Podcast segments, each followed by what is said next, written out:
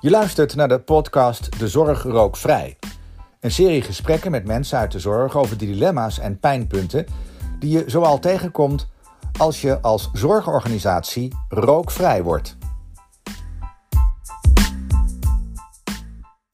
Welkom bij deze podcast over de weg naar een rookvrije zorg. We gaan het hebben over de dilemma's waar je tegenaan loopt als zorgprofessional als je te maken hebt met een rokende patiënt. Ik ben Astrid Standhart, ik ben redacteur bij de Vereniging van Ziekenhuizen en vandaag spreek ik met Karen Gerrits. Karen, kan jij je even voorstellen? Ja, dat kan ik. Ik uh, ben longverpleegkundige uh, in het Franciscus Gasthuis en Vlietland. We hebben twee hoofdlocaties. En uh, voorheen heette dat longverpleegkundige, maar wij noemen ons eigenlijk longconsulent in het ziekenhuis. En ik werk op de polykliniek, longziekte. Dat is even, ja, al jaren. Ja, met veel plezier hoop ik. Met veel plezier, zeker. Ja, ja oké. Fijn. Uh, nou, als longverpleegkundige heb je waarschijnlijk wel veel met rokende patiënten te maken, gok ik zo. Ja, ja, ja zeker. Ja. zeker. Uh, een, een, groot deel van onze patiënten is roker of ex-roker. En ja. daardoor waarschijnlijk longpatiënt. Dus we hebben daar veel mee te, we horen er veel van en we hebben er veel mee te maken af via de patiënt. Ja. Als je het terrein van de instelling rookvrij wil maken, maar een deel van het terrein heeft woningen waar cliënten langdurig verblijven of patiënten, wat betekent dat dan voor het rookvrij worden van de instelling? Wat moet je daar doen? Dat is een goede vraag. Uh, wij als ziekenhuis hebben geen woning hier. We hebben wel een zorghotel op, de, op het terrein. Ja. Dus wij hebben ook een dilemma met dat stukje van uh, wat doe je. Het ziekenhuis heeft daarin besloten om uh, het zorghotel ook rookvrij proberen te krijgen. Dus daar zijn we meegegaan. Wat je als instelling moet doen als je woningen hebt, dan kun je die woning natuurlijk niet uh, rookvrij maken. Het gaat om het terrein uh, eromheen dan, denk ik. Want een ziekenhuis kun je zeggen van nou, je mag niet in het ziekenhuis roken, je mag niet om het ziekenhuis roken, zolang het ziekenhuisterrein is. Mm. Hoe dat met een instelling, en dan heb je het vaak natuurlijk over bijvoorbeeld psychiatrie is, dat is een stuk moeilijker, denk ik. Ja. En dat hebben we hier niet aan de hand. Maar uh, ik zou me voor, de, ja, ik, ik, stel me voor dat dat moeilijk is. Uh, het is voor ons al moeilijk met een zorghotel om daar uh, ideeën over te hebben en, en, te organiseren. Dus ja, moeilijk. Ja, want waar lopen jullie tegenaan met het zorghotel bijvoorbeeld? Um, nou, dat is, dat, van tevoren hebben we gezegd van het zorghotel is ook ziekenhuisterrein. Dus ook daar mag niet gerookt worden. We hebben het wel aan het zorghotel zelf overgelaten hoe zij dat opvolgen, zeg maar. Dus dat is, ja, dat is sowieso, ligt dat niet helemaal binnen ons terrein. Nee. Figuurlijk, niet letterlijk. uh, dus daar, daar hebben we nu, horen we nu geen berichten over. Nee. Dus dat nee, is niet aan de orde nu. Nee. En, en het is niet als, als je over het terrein loopt dat je denkt, hé, hey, daar is toch iemand aan het roken. Nee, want het zorghotel zit aan de achterkant van het ziekenhuis. Daar ja. kom je uh, wellicht dat we daar in de zomer weer lopen, omdat we dan uh, een rondje om het ziekenhuis lopen over het terrein en dan het zorghotel zien. Maar uh, normaliter kom je eigenlijk niet langs het zorghotel als je gewoon naar je werk gaat en je auto parkeert en, en naar, de, naar de ingang loopt. Nee, is dat Aafje? Of, uh... Ja. Ja, precies. Ik ken het. Ah, oké. Okay. ja, ja, ja. als je eruit loopt, dan, dan heb je inderdaad een soort ja, perkje, parkje. Waar je, ja, ja, en ze hebben een eigen terras. Ja, en, en, en in principe is het rookvrij. Ja, maar er zijn natuurlijk veel mensen die daar tijdelijk of drie maanden verblijven. En ja, hoe dat, ik moet heel eerlijk bekennen dat ik me daar verder in dat stuk niet meer verdiept heb. Nee. Uh, we hebben het wel meegenomen in de voorbereidingen. Ja. Uh, maar ja, ieder zo zijn deel, zeg maar. Ja, je, kan, je moet natuurlijk ergens beginnen. Want hoe zit dat bij jullie bijvoorbeeld in de fietsenstalling? Als je dan uh, je fiets neerzet bij het, het Sint-Franciscus. En, ja, dan, ja, dan tegenwoordig heet het Franciscus voorheen waren we Sint-Franciscus en nu heet het Franciscus Gasthuis en Frietland. Ook even voor uh, de juiste benaming. Hè. Wij noemen, ja. zeggen nog wel eens SFG, maar dat is eigenlijk het Franciscus. Nou, je, je fietst de fietsstalling in en de bedoeling is dat je daar ook niet rookt. Er hangen overal borden op het terrein. Niet heel veel, maar er hangen borden met uh, rookvrije generatie en blauw bord met de vink. Daar ja. is van gekozen in het ziekenhuis. En in de fietsstalling uh, wordt niet gerookt. Nee? Ik ben het op de fietsenstalling, in de fietsstalling nog niet tegengekomen. Oké. Okay. Uh, daarentegen parkeerterrein. Uh, voor personeel. We hebben natuurlijk twee groepen personeel en um, patiënten en bezoekers. En het personeelsterrein is ook rookvrij. Maar ook daar vind je wel eens een rokende collega. Van of naar de auto lopend. Ja, ja. Oh, en, en wat doe je dan? Nou, omdat ik een van de ambassadeurs ben in het gasthuis uh, en besloten heb met een groep dat we de mensen aanspreken, moet ik de mensen ook aanspreken en dat doe ik ook. Uh, soms met een kloppend hart. Ja, maar ja. Uh, ik zeg altijd, hoi, weet je dat het hier ook vrij is? Zo begin ik dan een praatje. Mm -hmm. En dan, nou ja, soms heb je mensen meerdere malen aangesproken. dat maakt het wel een stukje moeilijker. Want ik begrijp ook dat diegene uit zijn werk komt en zin heeft in een sigaret. Ja. Maar ik begrijp het beleid ook, waar ik ook achter sta. Dus, en en, en wat, wat, wat veroorzaakt de hartkloppingen? Uh, omdat uh, je, je, collega's zijn, direct of indirect. Ja. Ehm, je kent degene vaak van gezicht. Dus kennen ze mij ook van gezicht. En je spreekt ze aan op iets um, ja, wat ze nou eenmaal graag of willen of moeten doen. Mm -hmm. Je bent een soort politieagent en eigenlijk ben je gewoon collega. Dus dat maakt vind ik lastig, want dat is eigenlijk waarom ik dan een beetje kloppend hart heb. Maar omdat ik er wel achter sta, doe ik het wel. Ja, ja. Uh, vervolgens heb je dan af en toe een, toch een beetje, zeker mijn collega's, indirecte collega's noem ik het hoor, uh, zijn wel wat, die negeren je of zijn wat uh, afwerend. Ja, ja, het zijn niet de makkelijkste gesprekken. Nee. Zeker niet als je hem voor de tweede of de derde keer moet voeren. Uh, dat even, ja. Ja, dan begrijp ik de hartkloppingen wel. Ja, ja. ja. ja je, zit, uh, je zit in een wat lastig pakket. Ja. Ik, ik vind dat ik in een wat lastig pakket zit, laat ik het zo zeggen. Ja, dat begrijp ik. Ja, terwijl je gewoon helemaal in je recht staat. Maar ja, het is natuurlijk wel, uh, hoe reageert iemand? Zeker ja. na de derde keer. Ja, lastig hoor. Ja. En um, hoe, hoe, hoe zit dat bij de patiënten? Stel een patiënt komt polyklinisch, wat, wat, wat zeg je tegen zo'n rokende patiënt? Als hij al binnen is? Ja? Ja, ja, precies. Want ja, um, dat ligt er een beetje aan. We zien uh, patiënten die uh, astma of COPD of een andere uh, long, longaandoening hebben, maar meestal astma COPD. En als we spreken over klachten, wat de ziekte inhoudt en wat je eventueel zou kunnen doen zelf om de klachten minder te maken, dan, ja, dan kaarten we dat aan. Dan kaarten we aan het rookstop. Wat kan je doen? Wat rook je? Wanneer rook je? Waarom rook je? En in hoeverre heb je bereidheid, ben je bereid om, dat, uh, uh, om het roken te stoppen? Of wat heb je daarvoor nodig? Hoe, dus, hoe open je dat gesprek dan? Nou, op zich hebben we, is, het, is dat, als je zit met de patiënt, heb je een, een, een soort anamnese, noemen we dat. We, we lopen altijd een aantal dingen door. Dat vertel ik ook altijd aan de, aan de patiënten. en dan vraag ik ook van, ja, dan vraag je op een gegeven moment, rookt u? Hoeveel rookt u? Wanneer bent u gestart? Dat zijn op zich makkelijke vragen die je kan stellen. Hè? Hetzelfde als voeding, bewegen, roken en medicatie. De vier ja. hoofdpijlers die we, van de leefstijl die we bespreken. Dus dan, ja, dan vragen we dat uit. Ja. En heb je dan wel eens een patiënt tegenover je zitten die denkt, oh, betrapt? Of, uh... Ja, ik denk dat de meeste rokers het wel een, een wat lastiger onderwerp vinden. Ja. Uh, eigenlijk, is, eigenlijk is gewoon 99% van de rokers begrijpt ook wel dat er een relatie is. Uh, maar juist omdat het vers een verslaving is, hè, want daar zit, eigenlijk, daar zit eigenlijk het grote probleem, omdat het een verslaving is, ja, maakt het dat wel heel moeilijk. Ja. Want ze worden vaak, vaak wordt tegen mensen gezegd, je mag niet roken, uh, je moet niet roken, je moet stoppen. Uh, ja, veel, heel veel rokers voelen zich ook echt een paria, zoals ze dat dan zeggen. Hè. Je, je, mag niet meer hier, je mag niet meer daar. Dus het is vaak een heel gevoelig onderwerp voor de mensen. Dat, gelukkig hoef ik niet te zeggen, je mag niet roken. Daar ben ik heel erg blij om. Dat moet ik dus wel zeggen tegen collega's die ergens roken waar het niet mag. Maar dan heb ik dus eigenlijk weer een andere rol, zeg maar. Ja. Maar in het stukje als, als, als longverpleegkundige naar de longpatiënt hoef ik niet te zeggen... Gelukkig je, je, uh, hoef ik niet te zeggen, je moet stoppen. Of je nee. mag niet roken. Nee, het is, het is een soort advies wat je dan uh, eigenlijk geeft. Ja. Nou, het is beter ja. om... Ja, ja. en dat doen we dan ook de motiverende gespreksvoering. Um, je gaat het gesprek aan en je zegt, joh, de gevolgen zijn dit. Je hebt die en die klachten, dus je legt het een beetje naast elkaar. En dan ga je, ja, dan ga je echt in gesprek. Ja. Hoe zou je dat nou kunnen stoppen? Uh, is het een mogelijkheid? Is het een mogelijkheid? Um, ja. Wat zijn de gevolgen? Heel veel uitleg. Ja. Wat doet het met je lijf? Waarom is het zo verslavend? En het is echt een verslaving.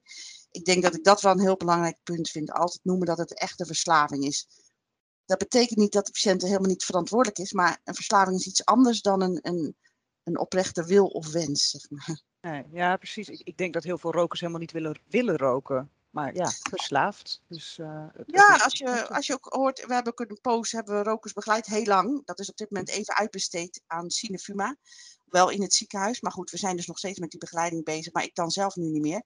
Maar in de groepsvoorlichting waar wij we altijd starten, dan zei ik ook altijd, zeiden mensen ook van ja, ik moet roken van mijn lijf. Ik moet roken van mijn geest. Ik wil het helemaal niet. En dat is natuurlijk willen en kunnen. Dat is, dat is een, een, een ja, zijn, zijn belangrijke woorden. Ja. ja.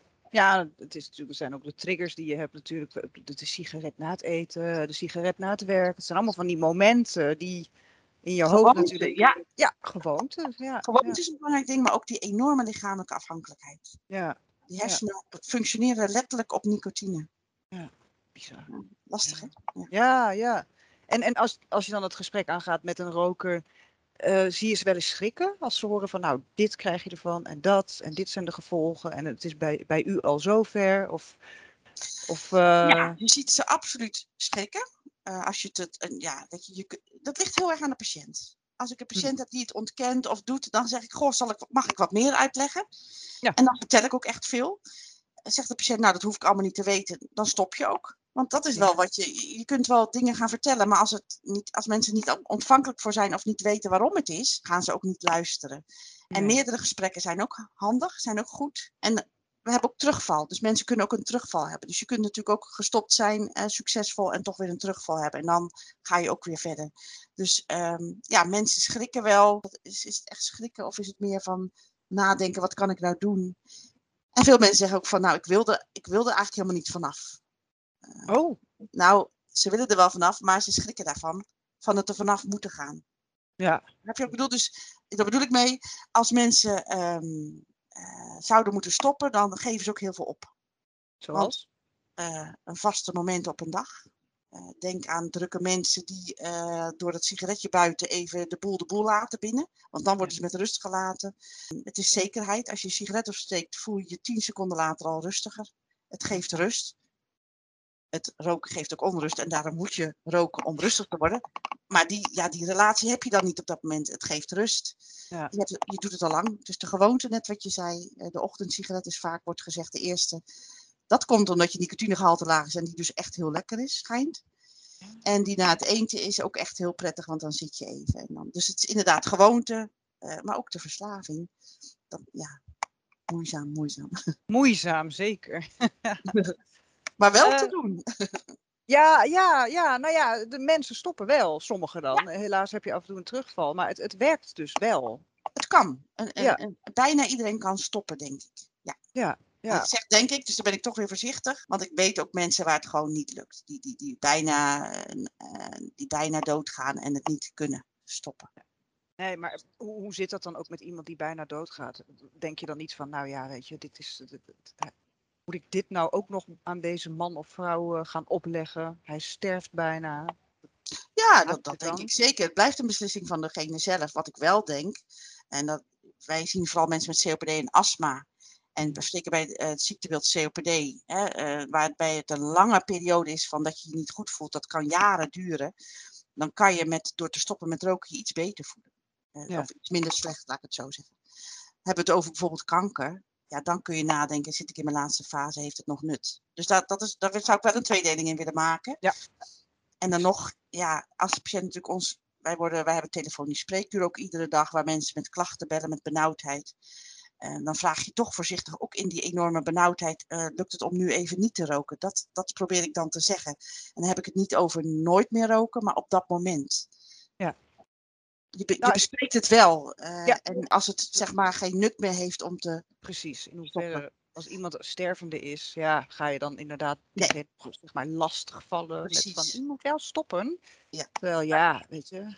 Nee hoor, is eens. En uh, stoppen is zeker bij de longziekte COPD eigenlijk altijd nuttig. De ziekte gaat er nee. niet van over. Nee. Maar je kunt de klachten wat verminderen.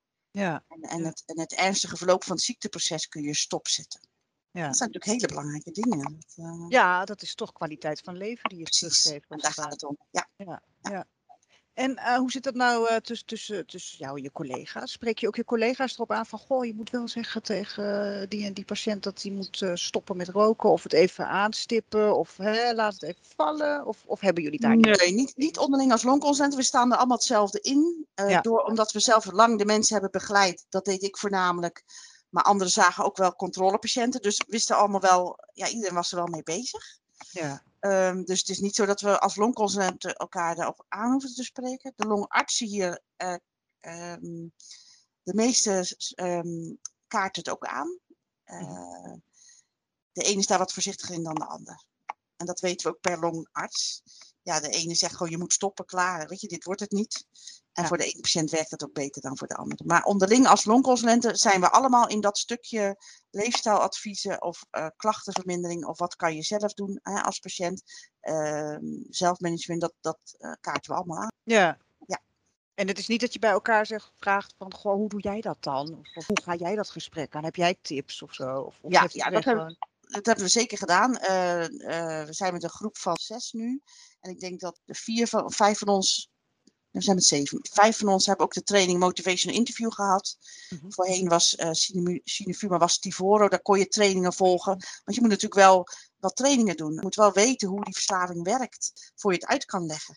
Dus dat, ja. uh, dat, de, de meeste van ons hebben dat wel gevolgd ook. Want je wilt toch ook, ja, dat motiverende inter, uh, interview, dat is dat gesprekvoering. Je wil wel iemand vertellen waar het om gaat. Je wil wat te vertellen hebben, want dan kan hij een keuze maken. Ja, ja, je moet wel een beetje ook ja, heel, heel sec gezegd met feiten om de oren slaan van nou, dit is het. En, uh... Nou, inderdaad. Dus als mensen zeggen van ja, ik heb mijn COPD door de luchtvervuiling, dan zeggen we voorzichtig nou, de luchtvervuiling is heel slecht hier in Rotterdam. Dat is niet goed. Maar daar zou je in principe niet de COPD van krijgen, maar hij maakt het er niet beter op. Nee, precies. Dus ik durf te zeggen dat in heel veel gevallen uh, uh, de sigaret toch de veroorzaker is. Ja. Laten we een paar procent buiten beschouwing houden, want er zijn ook andere oorzaken, maar niet heel veel. Dus dat durf ik altijd wel, dat zeggen we ook wel tegen mensen. Wel heel voorzichtig, als ik dat zo hoor. um, ja, omdat ik, ik um, dus, er is een, een uh, genetische afwijking waardoor je ook COPD of emfyseem kan krijgen. Dus, en dat is 2%, dus ik weet de getallen niet zo goed, dus ik ben daar voorzichtig in. Maar we weten inmiddels gewoon door de, van de longartsen dat, het, ja, dat COPD helaas veroorzaakt wordt in de meeste gevallen, bijna alle gevallen, door roken. Ja. En ja, dus dat kun je dan ook echt wel uh, benoemen natuurlijk. Dat, ja. uh, en als mensen zeggen van ja, maar daar komt het niet van, ga ik, dan ga ik wel echt met ze in gesprek. Ja, ja, toch wel. Ja, ja, ja, ja. ja. Want um, dat scheelt ook een hoop met wat je er ooit aan gaat doen. Ja. Ja. Heb je dus al dat als het niet door roken komt, hoef je het niet te stoppen. Nee, precies. Dan kan je gewoon lekker doorgaan. Uh, maar ja, het is het dus wel. Vaak wel. Ik blijf ja. een beetje voorzichtig hoor. Ja, ja. ja snap ik. Ja. Hoe zit het nou met medewerkers en het recht op een ro rookvrije werkplek? Ja, volgens mij hebben wij als zorgmedewerkers en volgens mij in alle grote bedrijven heb je recht op een rookvrije werkplek. Ook de omgeving, dus het ziekenhuisterrein bijvoorbeeld in ons geval, uh, ja. moet, moet er ook vrij zijn. Ja. Dat hebben we besloten met elkaar. Dus daar heb je het recht op. Ja. Als je het omdraait, heb je recht op een rookpauze. Heb je recht op een, uh, uh, een eigen rookterrein in het, op het ziekenhuis? Nee, daar heb je dus geen recht op. Nee? Er zijn en bij jullie geen, geen ABRI's? Ja, of. Nee, die zijn op een gegeven moment... 1 januari 2020 zijn we een rookvrij ziekenhuis geworden. Zijn we gestart. En zijn alle rookabris weggehaald. En je moet je voorstellen, het, het, het, het Francisco, het gasthuis en ook het Vlietland, dat zit allebei aan een weg. Uh, wij hebben hier een fietspad. In het Vliet, bij het Vlietland loopt er een fietspad dwar, dwars doorheen, wat niet van ons is. Ik zeg even ons hè, als ziekenhuis. Dus daar moet je, heb je afspraken over. Want op zo'n fietspad mag je dus feitelijk wel roken. Maar het, de rest van het terrein niet. Dus je moet dat afbakenen. En dat hebben we ook afgebakend, zeg maar. Dus als iemand wil roken, dan moet hij van het terrein af nou, wat is lastig voor, want dat is wel echt lastig voor personeel als je toch wil roken. En, en je, dat kan dus in je lunch, want je mag het terrein af. Maar dan moet je je dus omkleden als je een uniform aan hebt. Ja, dus ja. Je, er zitten wel wat haken en ogen aan voor een roker hoor, dat is echt zo. Dus je moet je omkleden. Ja. Uh, dan moet je van het terrein af, dan moet je weer terug, moet je weer omkleden. Dus daar, daar zitten dus wel wat, uh, wat plichten aan. Ja. Dus maar een lunchpauze, als ik dat zo hoor, omkleden, ja. terrein af. Ja. ja. en officieel hebben we hier ook op de longpolie besloten dat de, um, de koffiepauze is geen, kan je dus niet weg. Nee. Uh, als je dat toch wel wil, ja, dan moet je met je leidinggevende in gesprek. Dat zijn gewoon individuele gesprekken die, uh, die je dan gaat voeren natuurlijk. Want je collega's kunnen je daar eigenlijk niet per se op aanspreken. Nee. En dan heb je bijvoorbeeld long, of de verpleegafdelingen, die werken ook met piepers. Ja, die moet je dan aan een collega geven. Die collega daarmee op. Je liep even vast. Moet je, Pieper moet je aan je, aan je collega, of liep ik vast? Ik weet het niet. De pieper moet je aan je, aan je collega geven? Dus, nou, als, je, als je bijvoorbeeld een bereikbaarheidspieper bij je draagt en je gaat roken, ja, dan, dan kan je hem niet meenemen. Dus nee. dat zijn natuurlijk allemaal issues waar je over na moet denken. Dat bedoel ik eigenlijk van uh, met je collega's. En, uh, en, de en een koffiepauze is geen. Um, ja, je lunchpauze die moet je hebben, die moet je krijgen. En koffiepauzes zijn, is eigenlijk tijd van de baas, is niet tijd van jezelf, heb ik ook begrepen. Omdat ik overal in ben gedoken hier. En uh, ja, dus dat, dat, daar kunnen ze, dan mag je eigenlijk niet gaan roken. Dat is eigenlijk wat er nu gezegd is. En, en als dat dan wel gebeurt, dan kan ik me voorstellen dat dat wel een beetje scheve gezichten geeft. Nou, dan, uh, kijk, als, dat denk ik ook. Uh, we hebben dat hier op de longpoling niet, uh, in het gasthuis niet aan de orde. En ik dacht in Friesland ook niet. Nee. Dat zou wel kunnen, maar dat wordt dan individueel opgelost. Um, ja, dat, dat is natuurlijk wel. ik, ik, kijk hier bijvoorbeeld nu naar buiten over de Kleiweg. En dan zie ik daar in de vette wat collega's staan roken. Ik noem het oh, collega's. ja, ik ken ze niet. Maar je ziet, want daar mogen ze roken. Dus ze staan daar op een. Ik kijk letterlijk nu naar dat stukje toe. Als ik wat goed kijk. Ja, daar ja. mogen ze roken.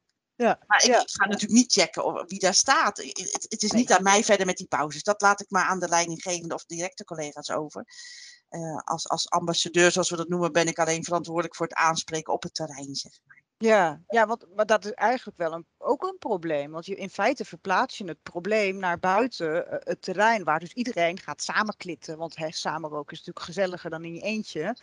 En, en, dan heb je daar dus zo'n plukje mensen waar, je, waar jij op dit moment dus tegenaan kijkt. Dat... Dat kan, ja, dat kan ik zien in de verte. Ja, ja. En ja. dat kunnen bezoekers zijn, dat kunnen patiënten ja. zijn en dat kunnen collega's zijn. Tuurlijk verplaats je het probleem.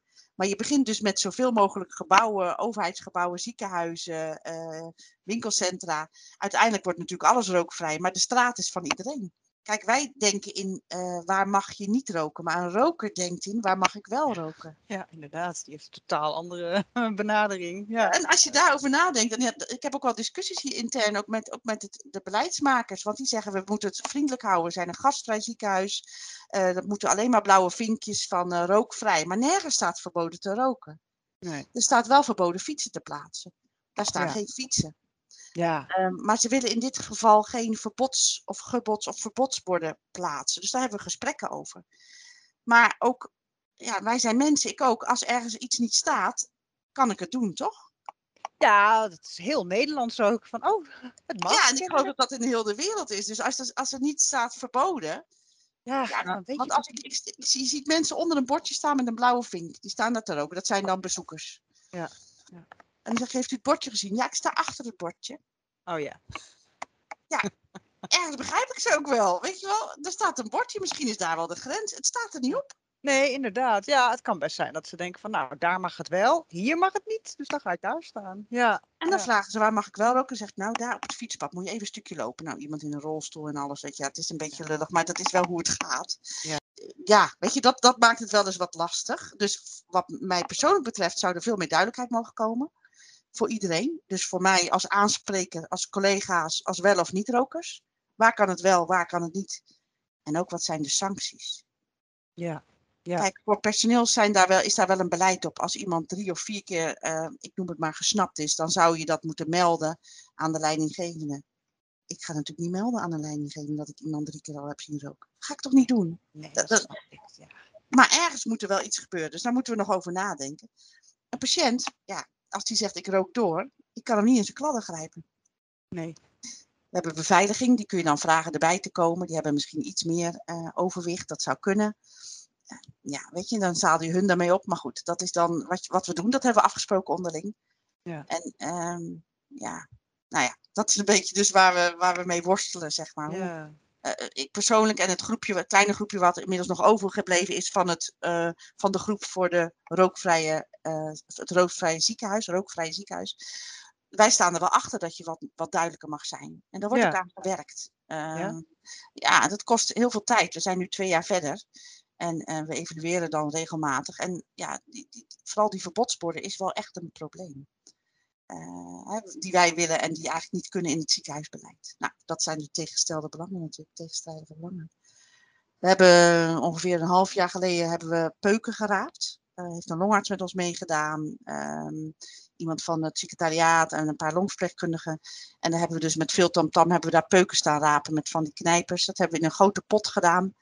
Daar zijn we uiteindelijk mee naar de Raad van Bestuur gegaan, die dat mooi hebben ontvangen. Die zeiden, nou, is een goede actie, we staan hier achter. We zijn weer even, um, ja, we zijn weer even opgefrist hierin. Nou, dan hoop ik dat dat helpt. Het is niet zo dat er nu wel borden hangen verboden te roken, maar je, je, bent, je brengt het wel telkens onder de aandacht, zeg maar. Dat is een beetje wat we proberen te doen eigenlijk. Ja, ja maar het voelt waarschijnlijk soms nog wel als een uh, roepende in de woestijn. Ja, ik, ik, uh, mijn collega's moeten al een beetje lachen, want dan zeggen ze soms: En heb je nog iemand aangesproken? Ik zeg: Ja, tuurlijk, dat weet je toch. Dus uh, ja, zoiets weet je wel, want dan ja. lopen ze lopen ook wel zo met me mee als je naar de auto loopt en dan horen ze mij ook iemand aanspreken. En ja, ik ben wel vrij direct. Dus dat is: ik probeer vriendelijk te zijn, maar ik, ik wil ook gewoon. Weet je, ik wil ook gewoon wat uitdragen van hé, hey, we doen het gewoon hier niet. Dat hebben nee. we gewoon afgesproken. En ik ben nog eens gaan zoeken op, op algemene sites van de rookvrije generatie. Sowieso ja, het is, gewoon, uh, het is gewoon in Nederland algemeen bekend. Je rookt dus niet op ziekenhuisterreinen, ziekenhuizen, overheidsgebouwen. Het is dus gewoon verboden. Dus iedereen zou het moeten kunnen weten. Ja, ja, ja. alleen het mag wel wat duidelijker aangegeven met die vinkjes en al. Ja, ja een blauw vinkje. Dus hadden op een gegeven moment ook op de patiëntenbrieven. Op de afspraakbrieven hebben ze ook dat stukje uh, rookvrij. Ja. Maar je drukt die, um, die brieven in, eigenlijk in zwart-wit af. Dus dat, dat, zien mensen een vinkje staan. Ja, ik kan het zonder bril niet lezen, rookvrij. Nee. Ja, wat zegt het je? Wat, wat, wat, wat? Nou goed, het is weer een begin, hè? Het is, uh, we... Ja, ja, je moet ergens beginnen. Ja, ja. Maar wat, als, je, als je heel diep in je hart kijkt, wat zou dan echt helpen? Uh, met, met inderdaad zo'n verbodsbord of zo. Welk, ja, wat zou helpen?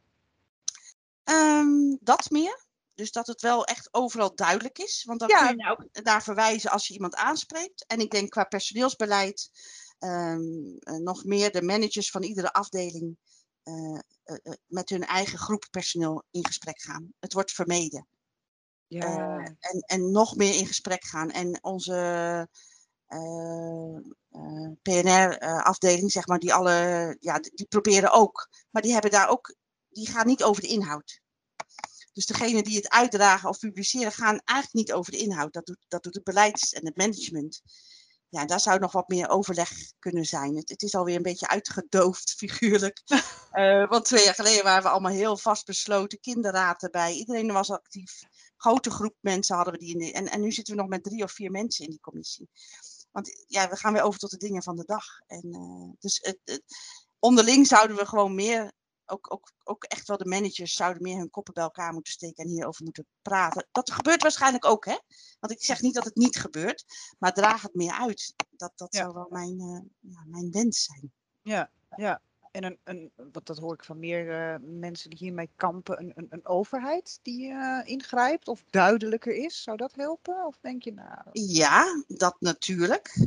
Krijgen we weer zo'n tegenstrijdige belangen, want wat zie ik ook weer staan? 3 miljard accijnsinkomsten per jaar. Ja, dat is stevig. Uh, dat is veel. Maar als je, als je tegenover, tegenover de zorgkosten legt, ja. hoe zeg je dat ja. tegen elkaar op? op dan ja. denk ik, ja, dat is langere termijn.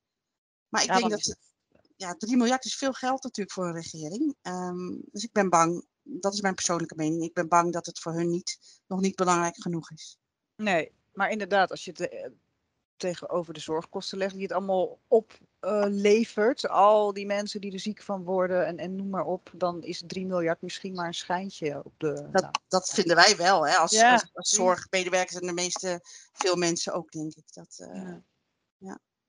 En, nou. en ik zou dan zeggen, uh, steek dan ook in op uh, juist op het goede vervangen, uh, het vergoeden van vervangende middelen en begeleiding.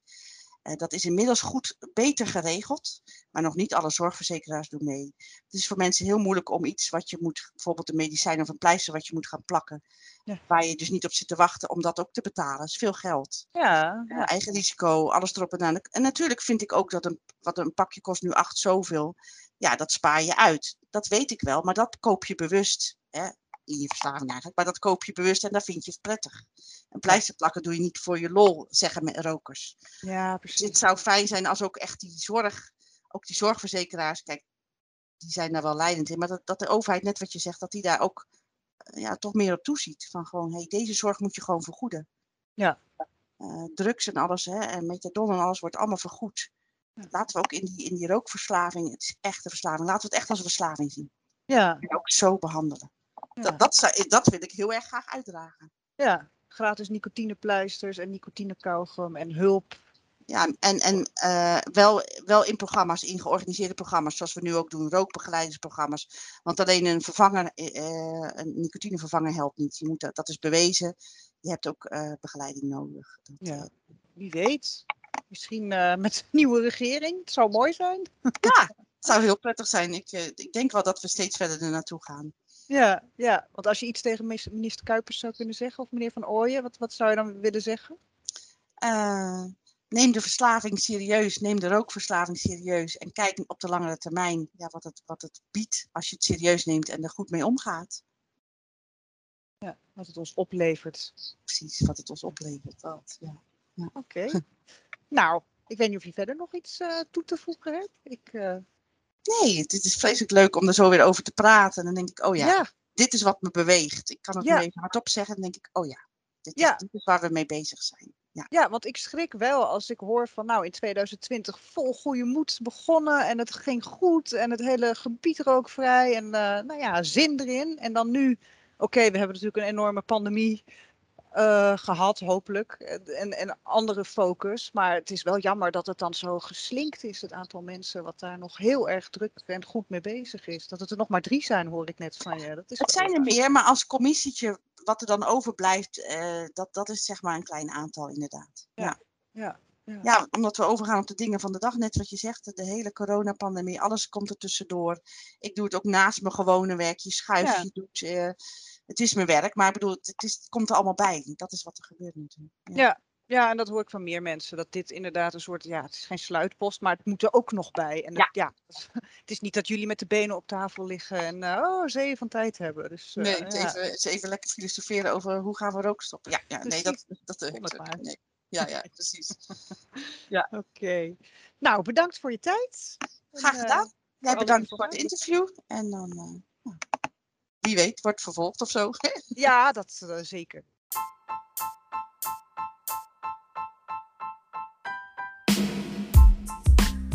Bedankt voor het luisteren naar de podcast De Zorg Rookvrij.